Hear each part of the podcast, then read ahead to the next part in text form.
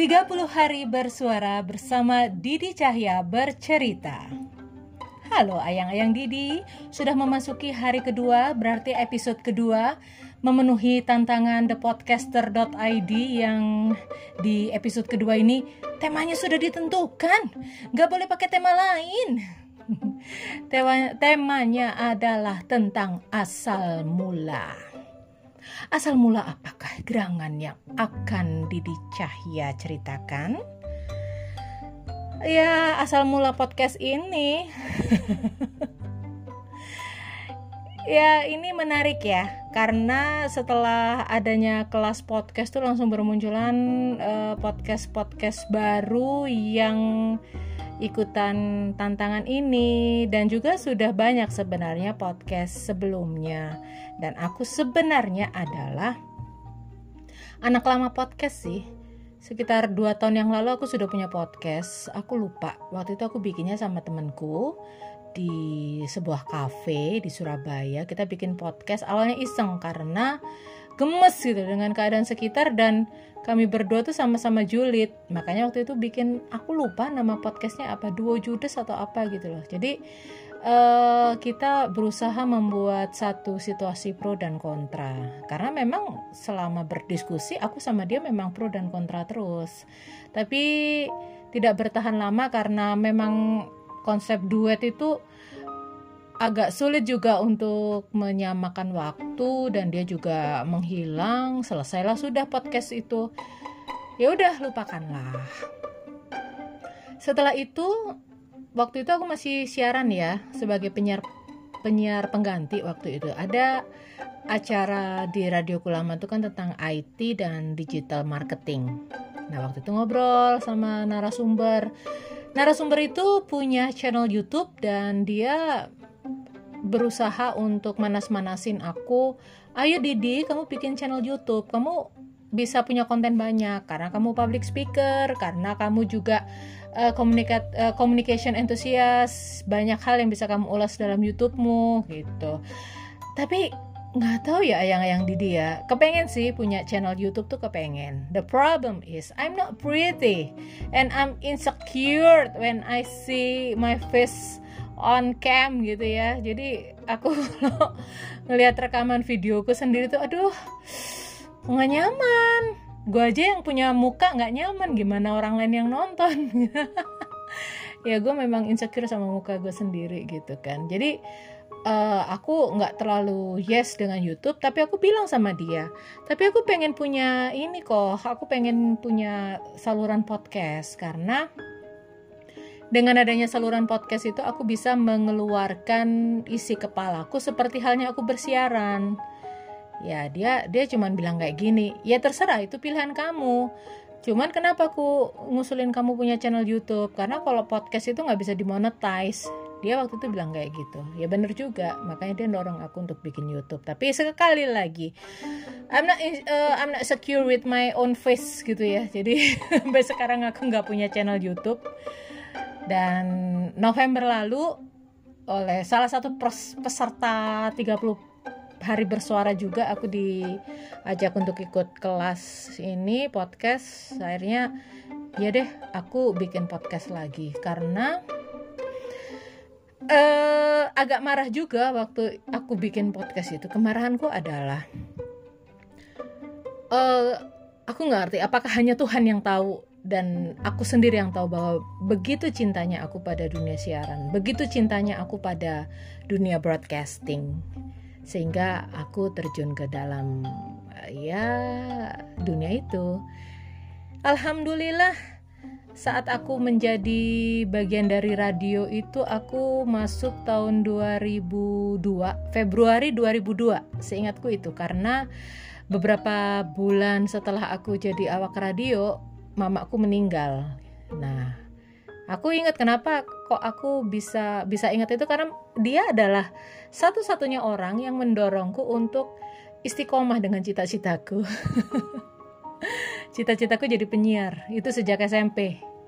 Gila ya. Jadi aku suka dengerin radio. Jadi ya nanti deh mungkin akan ada di cerita-cerita di topik berikutnya di family mungkin ya yang I'm a loners itu kemarin sudah ada loh di episode pertama tentang hari lahir. Aku tuh orangnya suka sendirian segala macam. Termasuk waktu ke SMP, aku dapat hadiah dari bapakku waktu itu uh, karena aku keterima di SMP negeri aku dapat hadiah berupa radio tape zaman bahula gitu ya yang akhirnya aku bisa mendengarkan radio FM terus aku bisa mendengarkan musik sesukaku. Pokoknya radio banget hidupku saat itu dan aku bercita-cita untuk menjadi penyiar. Penyiar radio. Jadi dari awal aku emang bercita-cita sebagai penyiar radio karena aku tidak cantik. Sekali lagi itu. Jadi aku dari kecil tuh ngerasa aku nggak cantik. Jadi ya sudahlah aku tuh pengen tampil. Tapi aku nggak pengen tampil muka. Aku tampil radio aja. Terwujud ya jadi uh, terwujudlah cita-citaku sebagai penyiar radio itu pada 2002 tepatnya Februari. Tapi nggak langsung jadi penyiar. Aku ingat pertama kali aku keterima itu adalah di Radio Salvatore. Di Radio Salvatore itu aku harus menjalani training dulu sebagai pentil penerima telepon dari situ aku belajar tentang skor bola, tentang olahraga sepak bola, tentang liga, tentang segala macam. Terus belajar tentang berita dari sekadar mendengarkan berita sampai memproduksi satu berita, belajar jadi reporter, belajar jadi operator. Baru setelah tiga bulan diizinkan untuk siaran, itu pun sebagai siaran pendamping. But I do not know apa sebenarnya itu bukan uh, bless in disguise ya karena ini bencana sebenarnya musibah. Saat bom Bali karena Surabaya paling dekat sama Bali waktu itu beberapa teman dikirim ke Bali. Yang mereka posisinya adalah penyiar. Karena kan penyiar juga harus bisa reportase kan. Nah mereka dikirim oleh pusat ke Bali dan akhirnya mau akhirnya ini kekurangan penyiar kan? Nah karena kekurangan penyiar aku yang seharusnya belum layak siar naik jadi penyiar. Nah pokoknya ya wes lah itu aku aku jadi penyiar tahun 2002 itu sampai akhirnya Desember tuh Salvatore berganti nama menjadi Sonora dan Desember 2020 eh sorry Desember 2002 pada tanggal 20 mamaku meninggal. Tapi at least mamaku sudah melihat anaknya terwujudlah cita-citanya gitu. Aku sempat membelikan mamaku baju juga dengan gaji pertamaku. Itu ya. Habis dari radio berita, aku beralih ke radio lifestyle. Habis itu aku beralih dari lifestyle itu aku ada lima tahunan ya di Delta FM. Semula menjadi radio part time, eh sorry penyiar part time sore. Uh, terus pagi penyiar pagi habis itu jadi nah ini dia aku nggak tahu lompatannya terlalu tinggi ya jadi masuk jadi apa waktu itu aku kok aku lali pokoknya aku ditarik sama ini deh ditarik sama kantor untuk jadi karyawan jadi posisiku bukan penyiar part time yang dapat honor tapi aku digaji. Aku awalnya nggak mau karena aku sukanya siaran. Aku nggak suka kerja selain siaran. Tapi karena aku sering ketimpringan uh, sama marketing sama apa udahlah daripada kamu juga nggak pulang habis siaran gak langsung pulang ya kamu jadi karyawan aja di sini. Akhirnya aku jadi apa ya aku lali aku jadi produser atau jadi apa bisa lupa gitu ya aku ya? Kayak kayak gini loh bagian masa lalu yang ingin di skip gitu ya? Enggak enggak juga enggak juga. Aku sempat jadi promotion terus itu cuma sebentar karena itu merupakan apa namanya ya jabatan yang diadakan. Produser lah kalau nggak salah aku produser ya? Nggak ingat aku. Nah setelah itu aku naik lagi jadi program director. Jadi uh, program director di sini cuma sebentar kok. Aku setara dengan marketing manager juga kita sering tandeman gitu. Intinya adalah itu adalah masa-masa terindahku bekerja di radio. Aku bahagia banget aku senang banget yang aduh gila hidup gue berwarna banget ya jadi orang radio gitu. Radio lifestyle kalau ada Java Jazz Festival gue berangkat. Kalau ada konser-konser gue bisa nonton gratis. Dulu seperti itu. Sampai akhirnya uh, aku keluar karena aku stuck banget stuck dan dan memang ada misi. Aku nggak tahu pokok ya agak-agak personal lah alasannya dan nggak nggak masuk akal. Kalau aku mentok di satu titik keputusanku adalah hijrah gitu loh. Hijrah hijrah itu kan luas ya artiannya. Dan waktu itu aku keterima di Radio Semarang jadi general manager jadi GM wes ya di sana cuma sebentar karena habis itu aku nikah. Nikah tuh aku mandek pet berhenti nggak siaran nggak apa-apa dan uh, waktu itu uh, habis nikah pindah ke Bali dan dan dan dan dan agak susah ya nembus radio di sana. Uh, ya karena walaupun aku lulusan radio lifestyle tapi di sana lifestyle yang hidup itu kan anak muda. Ya sudah, anak tua seperti aku minggir. Akhirnya aku sempat vakum dan mulai siaran lagi 2011 di radio jaringan Jakarta juga Sparta FM. Habis itu siaran sempat vakum juga karena ya ya I need better salary lah ya. Waktu itu ada tawaran untuk menjadi marketing manager di jaringan cafe di Surabaya dengan gaji yang dua kali lipat dari aku gaji terakhirku sebagai program director ya, lumayan kan. Nah habis itu uh, berhenti dari uh, Markom uh, marketing manager sih. Aku balik siaran lagi di Smart FM lagi balik kucing kalau kata orang-orang gitu. Ada udah siaran udah uh, sempat berapa ya? Empat uh, uh, tahunan lah ya aku balik lagi ke Smart FM itu.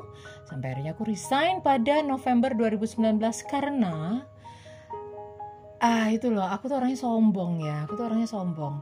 Sombongku tuh begini. Kalau aku bekerja di satu tempat dan tidak berkembang dan aku di situ-situ aja aku tuh ada dalam diriku yang berontak. Ada di dalam diriku yang berontak yang aku nggak bisa kendalikan itu pemberontakan itu yang aduh kok gini-gini aja sih? Bosan nggak ada tantangan lain apa? Nggak ada tantangan baru apa Nah akhirnya aku November 2019 aku resign. Dan waktu itu memang hektik banget ya karena aku kelar uh, ngikutin project satu project di Malang gitu. Udah aku pengen istirahat, pengen ngembangin Mbak Judas waktu itu. Sampai akhirnya sebenarnya aku berhenti juga penuh kemarahan gitu ya. Karena ya karena ngerasa stuck gitu. Aku jadi nggak tahu aku marah sama diriku sendiri yang tidak bisa menyesuaikan kenyamanan itu atau aku marah dengan radioku terakhir karena aku ngerasa nggak kepake.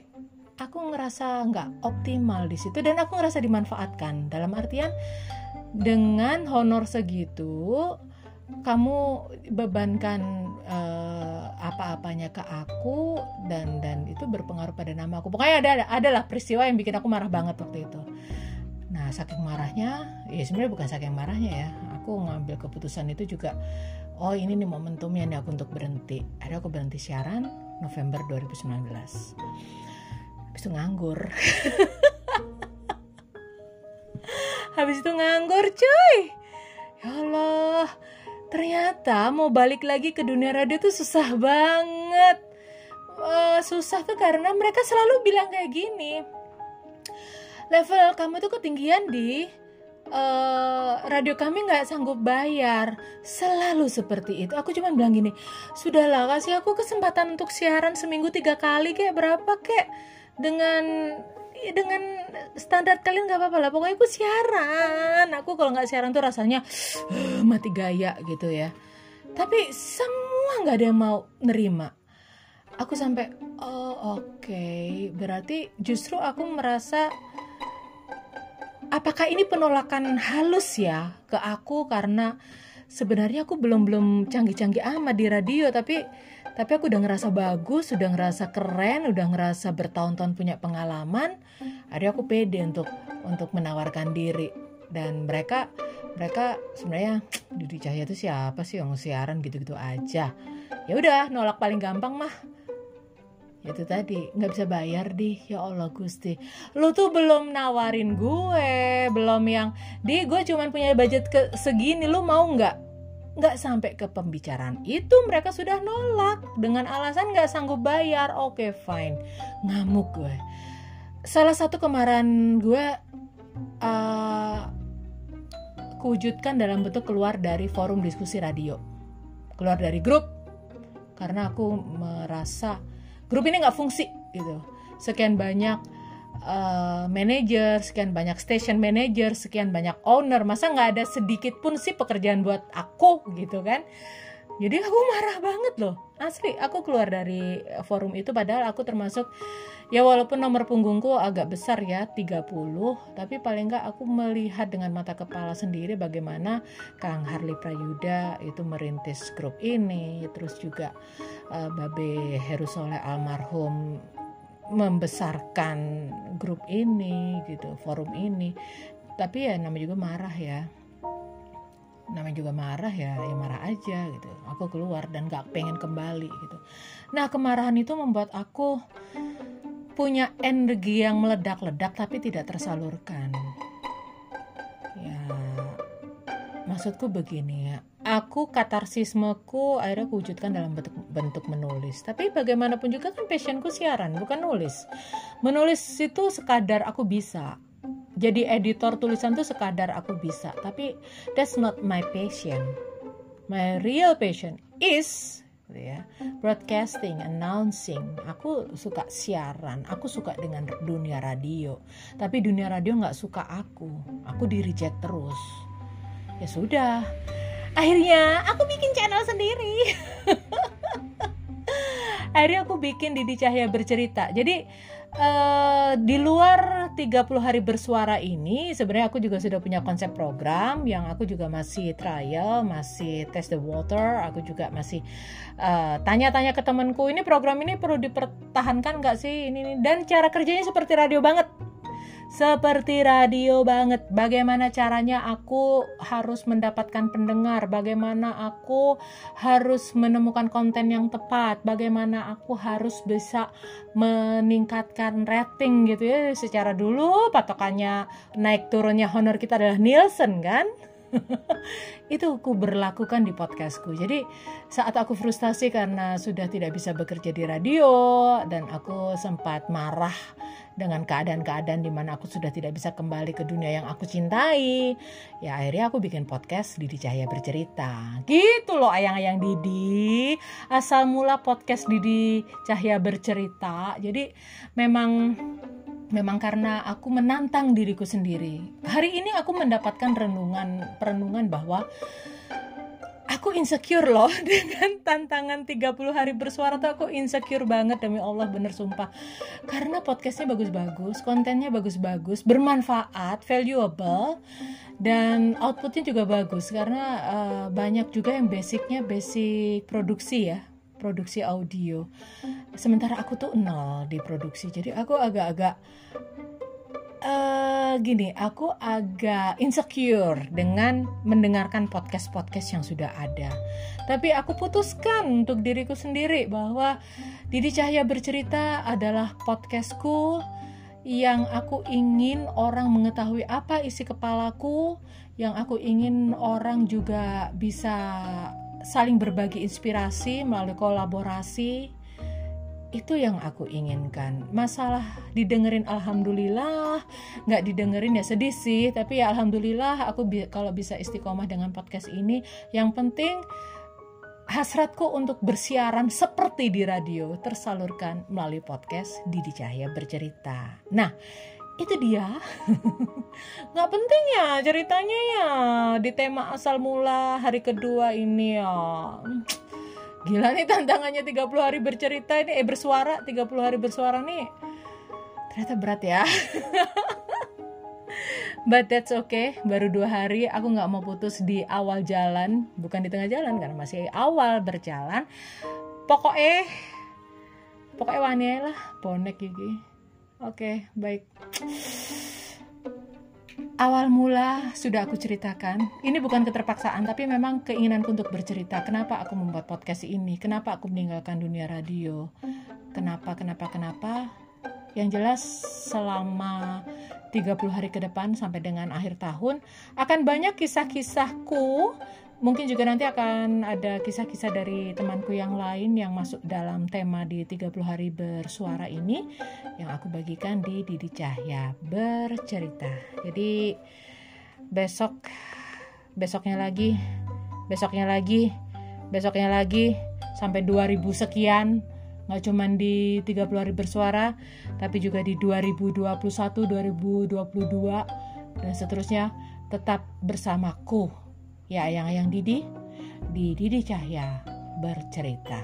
Sekian dulu 30 hari bersuara di episode kedua dengan tewa dengan tema awal mula podcast Didi Cahya bercerita. Bye.